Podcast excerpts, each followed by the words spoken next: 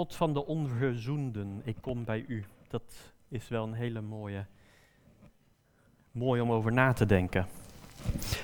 Goedemorgen. Of ehm, zoals ze in eh, Israël en in het Midden-Oosten zouden zeggen, Shalom Aleichem of Salam Aleikum. En dat betekent vrede zij u. En die vrede die wordt toegewenst is niet alleen maar de afwezigheid van onrust, maar het is een woord dat betekent harmonie, heelheid, volledigheid, welvaart, welzijn en rust. En ik vroeg ChatGPT, wat is het? En het vulde aan, het verwijst naar een staat van rust en welbevinden op alle niveaus. Persoonlijk, sociaal, spiritueel en fysiek. Zalig de vredestichters, vrede zij u. Daar wil ik het met jullie over hebben. En dat komt door een kaartje dat ik kreeg. Gewoon een ouderwets kaartje met de post, postzegel erop. En daarop staat waar, of daarop staat, de vrucht van de gerechtigheid wordt in vrede gezaaid voor hen die vrede stichten. En ik vond het wel een beetje bijzonder. Er komt twee keer vrede in voor. Is dat niet een beetje dubbelop? En wat ik ook wel interessant vond, was die koppeling tussen die vrede en gerechtigheid. En de tekst sprak me aan. Ik geloof ook dat dat is omdat gewoon de Bijbel spreekt. En het sprak me ook aan omdat waar je ook maar komt, mensen willen wel vrede ontvangen. Ook in landen waar ze misschien niet zo openstaan voor het evangelie, zouden ze wel openstaan voor vrede en gerechtigheid. Dus ik dacht, ik moet iets met die tekst. En eerst dacht ik, ik ga het gewoon voor mezelf onderzoeken. Maar op een gegeven moment dacht ik ze van, volgens mij is dit mooi voor een preek. En wil ik dit met jullie delen. En bij het woord, toen ik ook die vredestichter voorbij zag komen, moest ik ook gelijk denken aan Jezus die zegt, zalig de vredestichters. Zij zullen kinderen van God genoemd worden. En is dat niet wat we willen? Of is dat niet het mooiste? Kind van God zijn. Dus ik wil met jullie bij langs een aantal aspecten. Vrede met God allereerst. Vrede van God. En dan wat persoonlijker, hoe kun je een vredestichter zijn? En hoe vrede gepaard gaat met gerechtigheid. En dat we ambassadeurs zijn van de vredevorst. Vrede met God. Hoe is dat mogelijk? Eigenlijk is er maar één manier, één antwoord, heel simpel.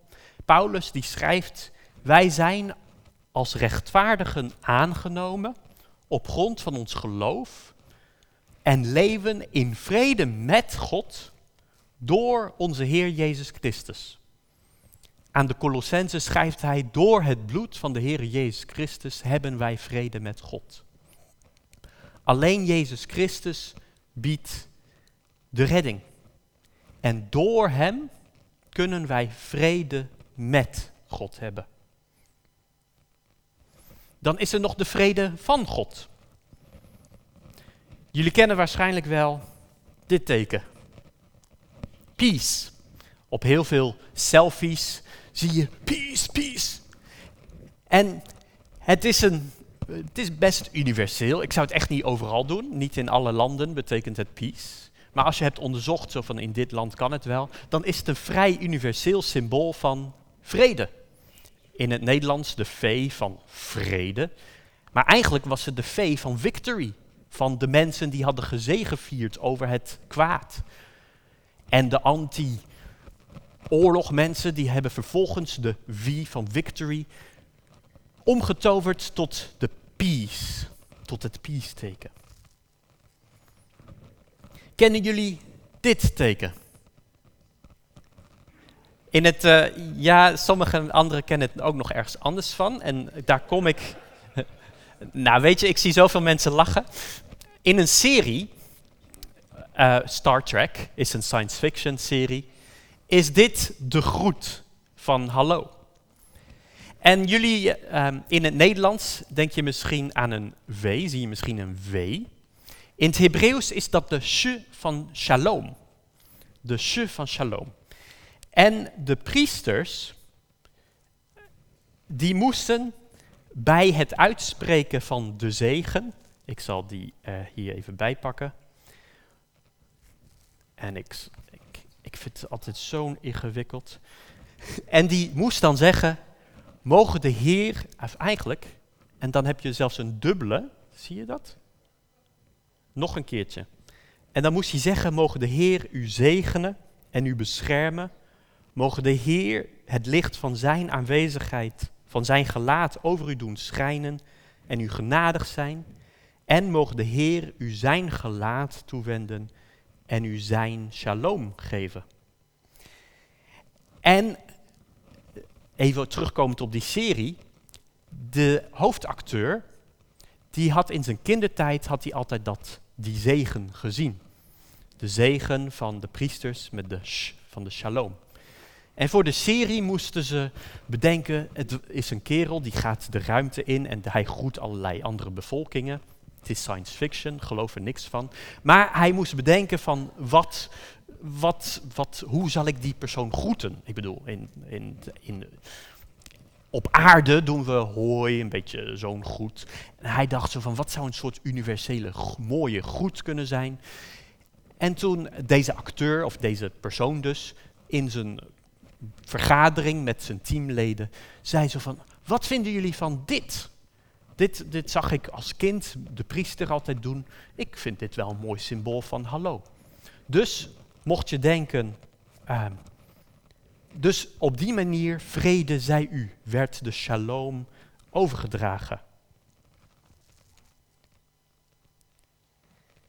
Dus mocht je ooit denken van peace, denk dan ook aan, en ja, niet iedereen kan dit, is, uh, heb ik ontdekt of, en gelezen. Denk dan ook aan deze peace, aan deze shalom. En God die instrueerde zijn priesters om het volk op die manier te zegenen. Want God wil zijn vrede geven. En ook Jezus die zegt geregeld, vrede laat ik u, mijn vrede geef ik u. Niet zoals de wereld die geeft, geef ik die u.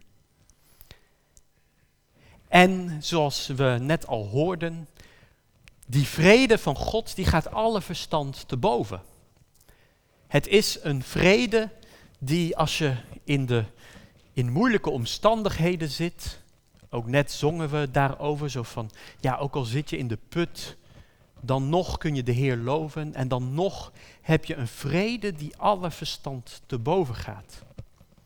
En ik hoop dat je dat ervaart of ervaren hebt. En mocht dat niet zo zijn, spreek mij of iemand anders aan, dan, want God die wil die vrede geven. En Jezus die in de dagen aanlopend naar zijn hemelvaart, zei hij geregeld, mijn vrede geef ik u. En net voor de hemelvaart geeft hij aan, en zoals de Vader mij gezonden heeft, zend ik u.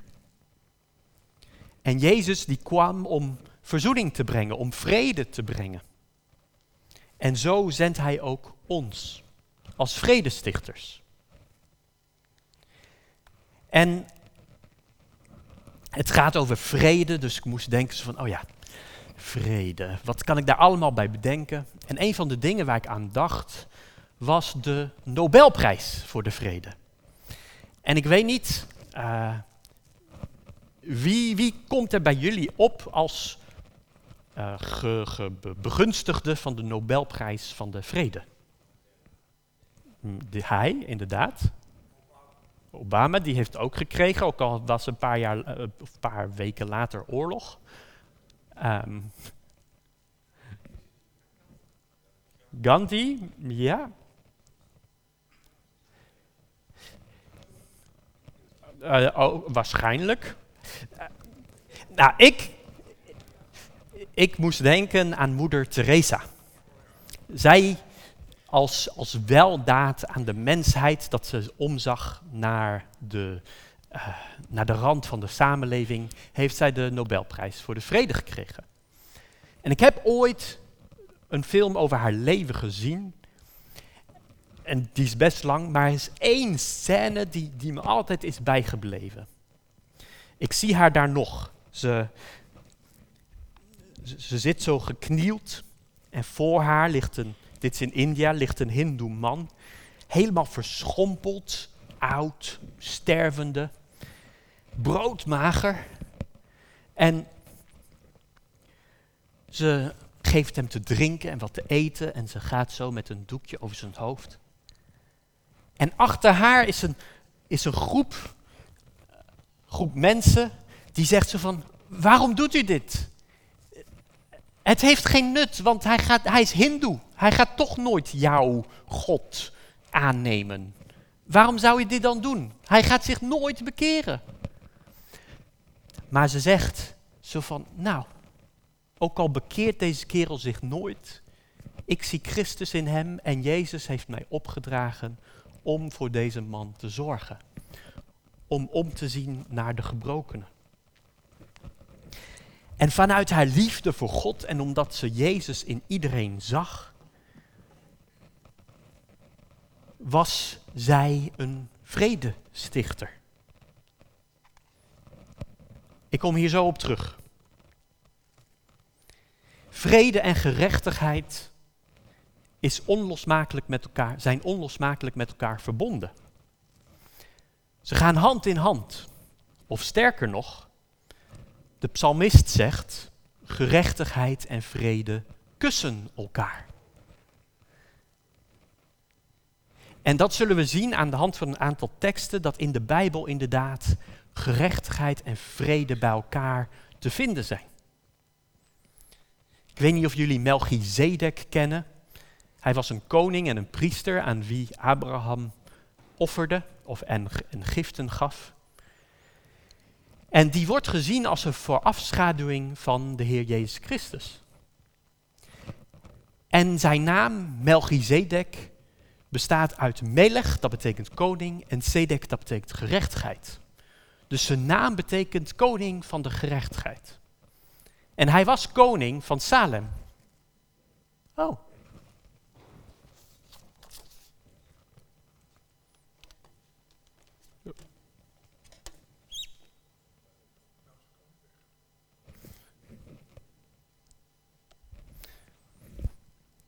Als het goed is, ja, ja, ja. En hij was koning van Salem, koning van Shalom, koning van de vrede. Dus in deze persoon zie je, dat, zie je ook dat vrede en gerechtigheid in elkaar zaten. En dit is een voorafschaduwing van Jezus. Ook Jezus is de koning van de vrede en van de gerechtigheid. En die zijn onlosmakelijk met elkaar verbonden. De profeten die zeggen, aan de uitbreiding van deze heerschappij van de Messias en aan de vrede zal geen einde komen op de troon van David en over zijn koninkrijk, om het te grondvesten en het te ondersteunen door recht en gerechtigheid van nu aan tot in eeuwigheid. Dus je ziet dat het koningschap, de, het koninkrijk van de Messias, die is gefundeerd op recht en gerechtigheid en daardoor is er vrede. En dit is toekomstmuziek. Dit moet nog komen. Maar het was niet Gods bedoeling dat totdat die Messias er zou zijn, er ongerechtigheid zou heersen. Het was ook gewoon Gods bedoeling dat ondertussen er ook recht en vrede zou zijn. En daarvoor had hij de geboden gegeven. En bij geboden denk je misschien, uh, gij zult niet, gij zult niet. Maar als je kijkt naar wat Mozes zijn volk moest vertellen, was het ook, gij zult, doe dit, doe dat. En heel veel daarvan was om te zorgen voor de zwakken, de weduwen, de wezen, de mensen aan de rand van de samenleving die het moeilijk hadden. Maar de Israëlieten deden dat lang niet altijd. Dus op een gegeven moment zegt God via zijn profeten, dit zegt de Heer, je bevrijder, de Heilige van Israël. Ik ben de Heer, jullie God, die jullie onderricht in je eigen belang. Die wetten, die leefregels, die waren voor hun eigen belang. Die jullie leidt op de weg die je gaat. Luisterde je maar naar mijn geboden, dan zou jouw vrede zijn als een rivier en je gerechtigheid als de golven in de zee. Beetje poëtisch, maar een vrede als een rivier. Ten eerste is dat kalm en ten tweede is het gewoon iets natuurlijks, iets wat altijd doorgaat. Dus je vrede zou dan iets natuurlijks zijn geweest, iets wat altijd permanent zou, aanwezig zou zijn geweest. En ook de golven zijn continu. Ze komen en komen en komen. En als het ietsje spiritueel maakt, golven ontstaan door de wind. Dus als je denkt dat de Heilige Geest aan het werk is, dan krijg je gerechtigheid. En deze regels die waren niet alleen van wees zelf eerlijk, doe zelf goed en recht. Maar de profeten geven ook aan dat het ook gaat om het opkomen voor de ander. Leer goed te doen, zoek het recht, help de verdrukte, doe de weesrecht, bepleit de rechtszaak van de weduwe.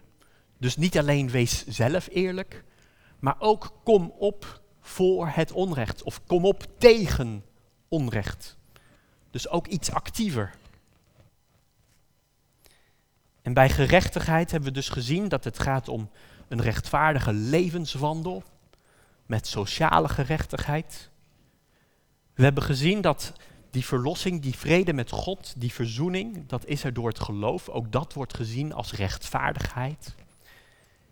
En bij rechtvaardigheid moet je ook denken aan het eindoordeel. En normaal als je denkt aan het eindoordeel, dan denk je misschien, bah, en moet dat nou, en waarom, ja, waarom is er een eindoordeel? Maar als je in de wereld kijkt naar landen zoals bijvoorbeeld Myanmar, waar enorme onrecht heerst, waar een militair regime echt zoveel chaos veroorzaakt en waar je, waarbij je denkt zo van, Heere God, waarom grijpt u niet in? En je eigenlijk niet ziet dat hij of hij ingrijpt, dan kun je bedenken, dan kun je getroost worden. Er komt een eindoordeel waarbij God als rechter rechtvaardig zal oordelen. En hij zal zorgen dat er recht geschiet. Dat al dit kwaad wat wordt aangedaan, dat, dat, dat de mensen die daar door benadeeld worden, dat hun rechtvaardigheid zal worden gegeven.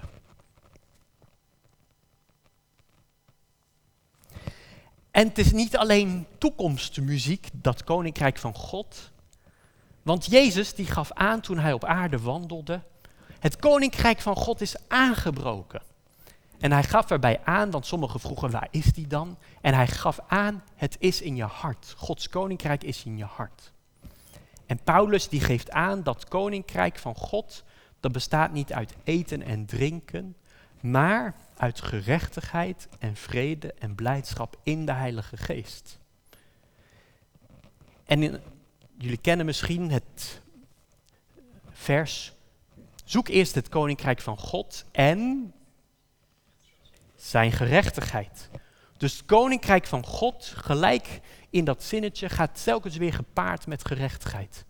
Zoek zijn koninkrijk en zijn gerechtigheid.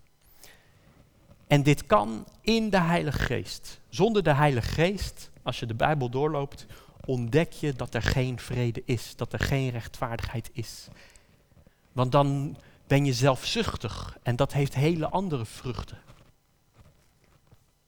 Wees een vredestichter. God zegt, zoek de vrede van de stad waarheen ik u in ballingschap geroepen heb. Bid ervoor tot de Heere, want in haar vrede zult u vrede hebben. Dus de vrede van jouw omgeving zorgt voor jouw vrede.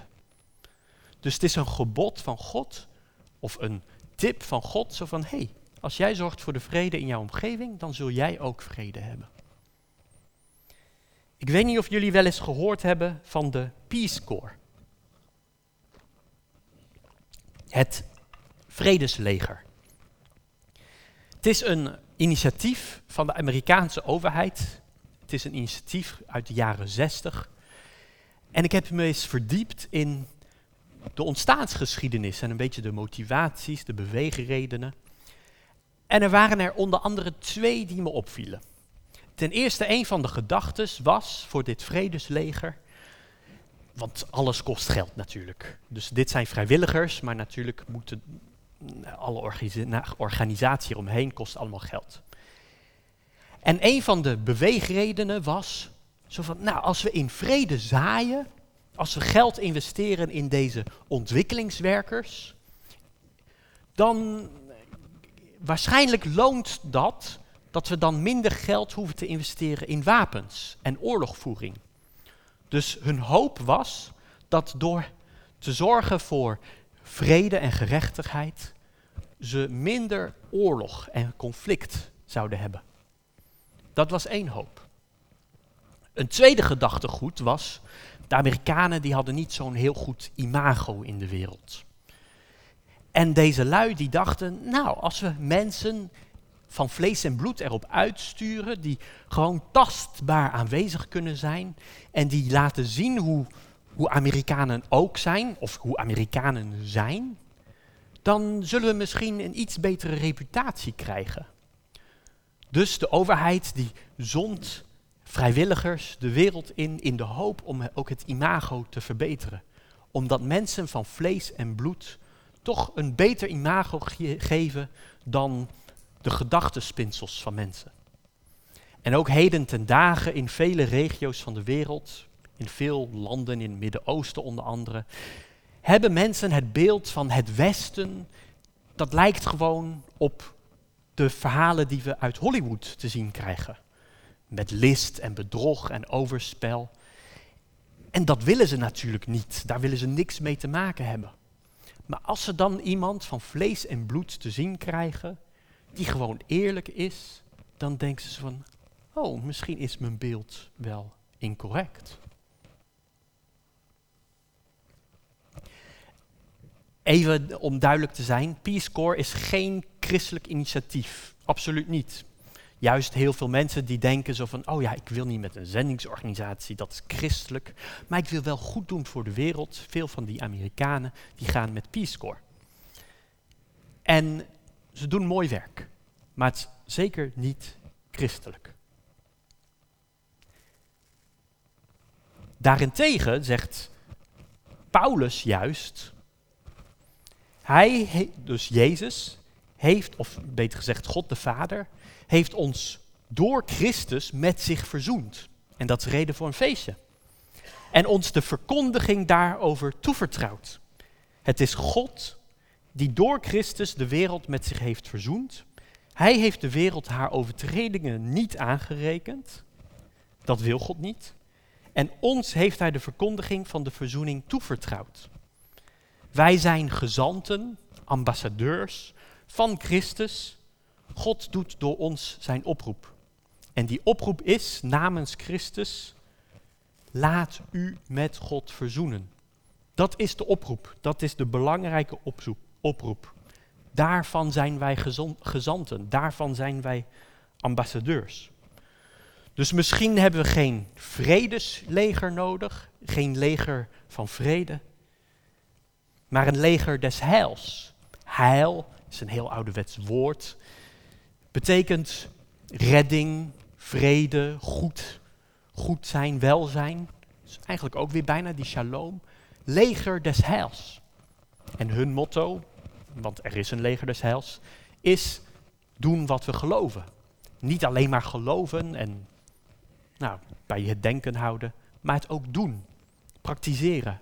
Uitzien naar de rand, mensen aan de rand van de samenleving. Omzien naar hun. Er zijn anderen die hebben zoiets van geloof werkt. Als je geloof dan werkt dat. En dan geef je dat handen en voeten. We hebben een mooie preek gehoord van Wilma over handen van God zijn.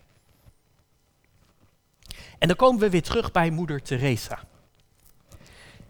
En nou, zij, vanuit die liefde voor Christus, was zij dus, je zou kunnen zeggen, nou zij is katholiek, maar je zou kunnen zeggen, zij hoorde bij Gods leger des heils.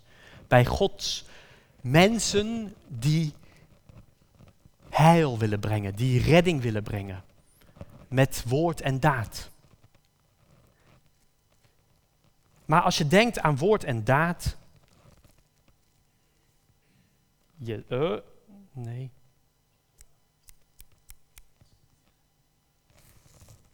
Oh ja. Ja, ja, hij is er. Oké.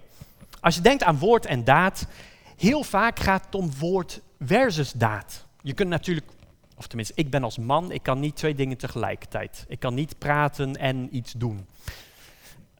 Uh, nou, misschien gechargeerd. Maar er is soms in zendingskringen, een, op, ook op zendingsschool, een soort conflict tussen woord versus daad.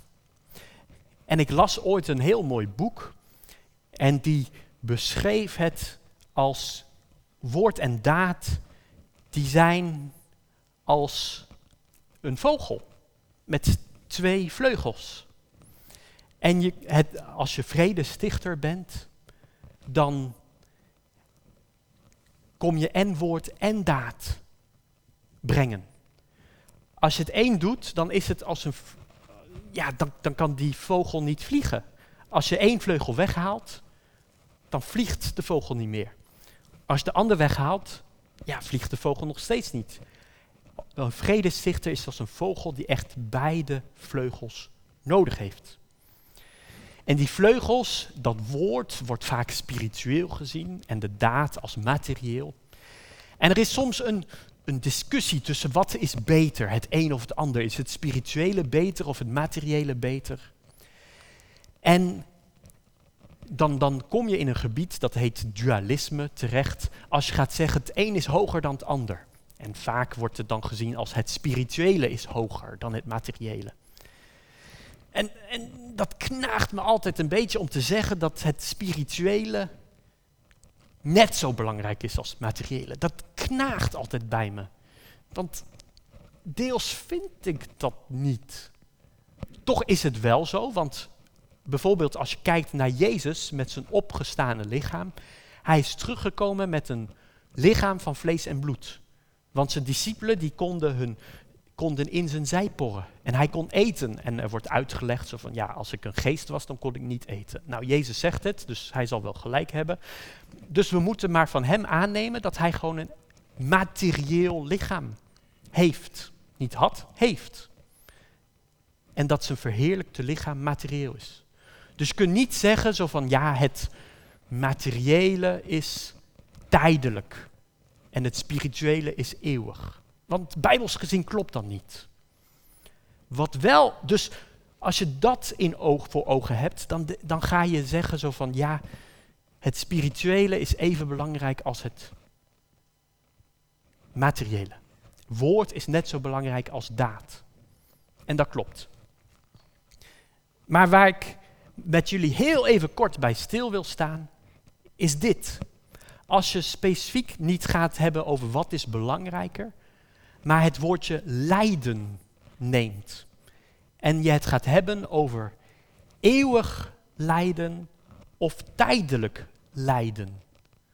Dan hoop je natuurlijk dat mensen, nou je wilt zelfs niet dat ze tijdelijk lijden, maar je wilt sowieso niet dat ze eeuwig lijden. Dus dan moet je gaan bedenken wat zorgt voor eeuwig lijden en wat zorgt voor tijdelijk lijden. En dan kun je bedenken, wat is belangrijker als iemand omkomt van de honger? Dat hij brood krijgt of het eeuwige brood, het levende brood? En een heel slim iemand die vertelde mij, nou, als je hem nou eerst brood geeft, dan kan hij daarna het goede nieuws nog horen. En daar ben ik het helemaal mee eens.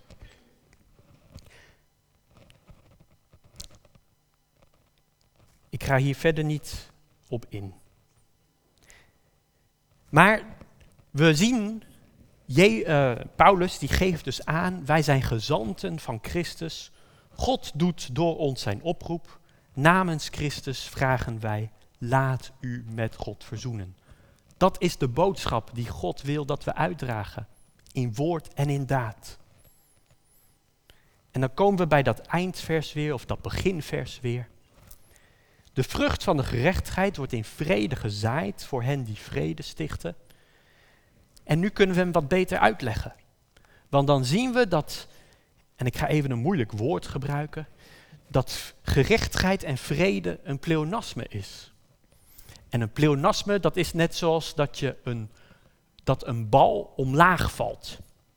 Omlaag of vallen betekent al dat het omlaag gaat. Dus als een bal omlaag valt, dan zeg je al iets wat je eigenlijk al had kunnen bedenken. Je had het één weg kunnen laten. Zo zou je ook kunnen zeggen dat als je het hebt over vrede en gerechtigheid, je eigenlijk het eens niet, als je het over vrede hebt, je eigenlijk niet eens zou hoeven noemen dat er gerechtigheid bij gepaard gaat. Bij gepaard gaat. Dus die vrede en gerechtigheid die gaat samen, gaat gepaard. En die ene vrede, dat is wat jij uitdraagt, de vrede van God, de vrede om gerechtigheid te brengen, de vrede om van het brengen van verzoening. En de andere vrede is de vrede die jij hebt met God, in God. Dus terwijl jij vrede brengt, heb jij innerlijke vrede, vrede van God en vrede met God. Want lang niet overal waar jij komt, zullen mensen staan te springen om over die vrede van God of vrede met God te horen. Maar als jij jouw ding doet, als jij net zoals moeder Teresa de ander ziet als Christus en voor de ander zorgt, ook al heb je dan mensen die ja, dat raar vinden, je hebt dan vrede met God. Als conclusie nog even bij langs wat ik genoemd heb. Shalom gaat om welzijn van de persoon. We hebben vrede met God door het bloed van Christus. Zegen elkaar met de vrede van God die alle verstand te boven gaat. Vrede en gerechtigheid kussen elkaar. Gods koninkrijk bestaat uit vrede en gerechtigheid. Doe recht, dus dat is iets actiefs. En sta op tegen onrecht. Dat is nog actiever, want dat is ook iets tegen wat een ander wordt aangedaan. In de vrede van jouw omgeving is jouw vrede. Wees een gezant in woord en daad. En tot slot, je bent een ambassadeur met de boodschap van eeuwige verzoening. En ik las een, uh, poem, een gedichtje, die ik erg mooi vond aansluiten bij dit alles. Titel is Ontmoeting. Dus ik maak het even praktisch, want in e-, elke dag heeft iedereen ontmoetingen.